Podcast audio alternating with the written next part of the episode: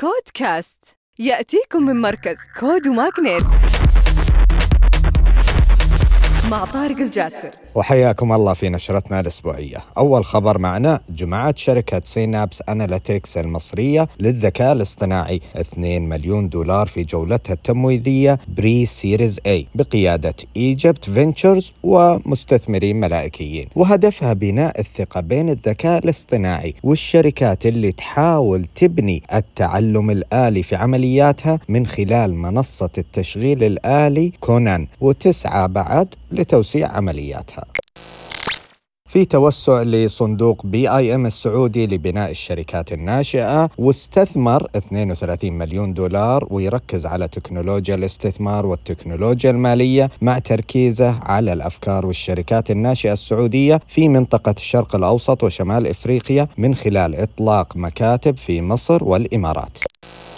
وحصدت شركة Eclipse Foods ومقرها أوكلاند بالولايات المتحدة الأمريكية 60 مليون دولار في جولتها التمويلية series B بمشاركة شركة Sozo Ventures Forerunner وتعمل على إحداث تحول كامل في صناعة الألبان من خلال منصة منتجات الألبان النباتية ويخططون لدعم نموهم في خدمات البيع بالتجزئة والأغذية وتسريع جهود البحث والتطوير.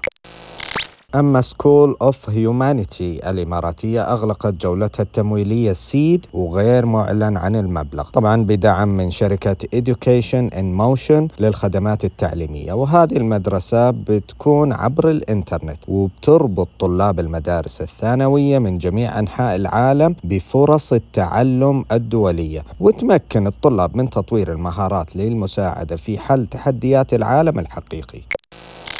وأخيرا جمعت Pure Harvest الإماراتية للتكنولوجيا الزراعية مبلغ 180 ونصف مليون دولار من شركه الاستثمار الخاص IMM Investment وغيرها من مستثمرين في جولتها الاستثمارية الأخيرة. وتعمل على زراعة الفواكه والخضروات في المناخات الصحراوية القاسية. كما أنها أقامت شراكة مشروع مشترك مع بلانت فارم الكورية كمزود حلول الزراعة الرأسية.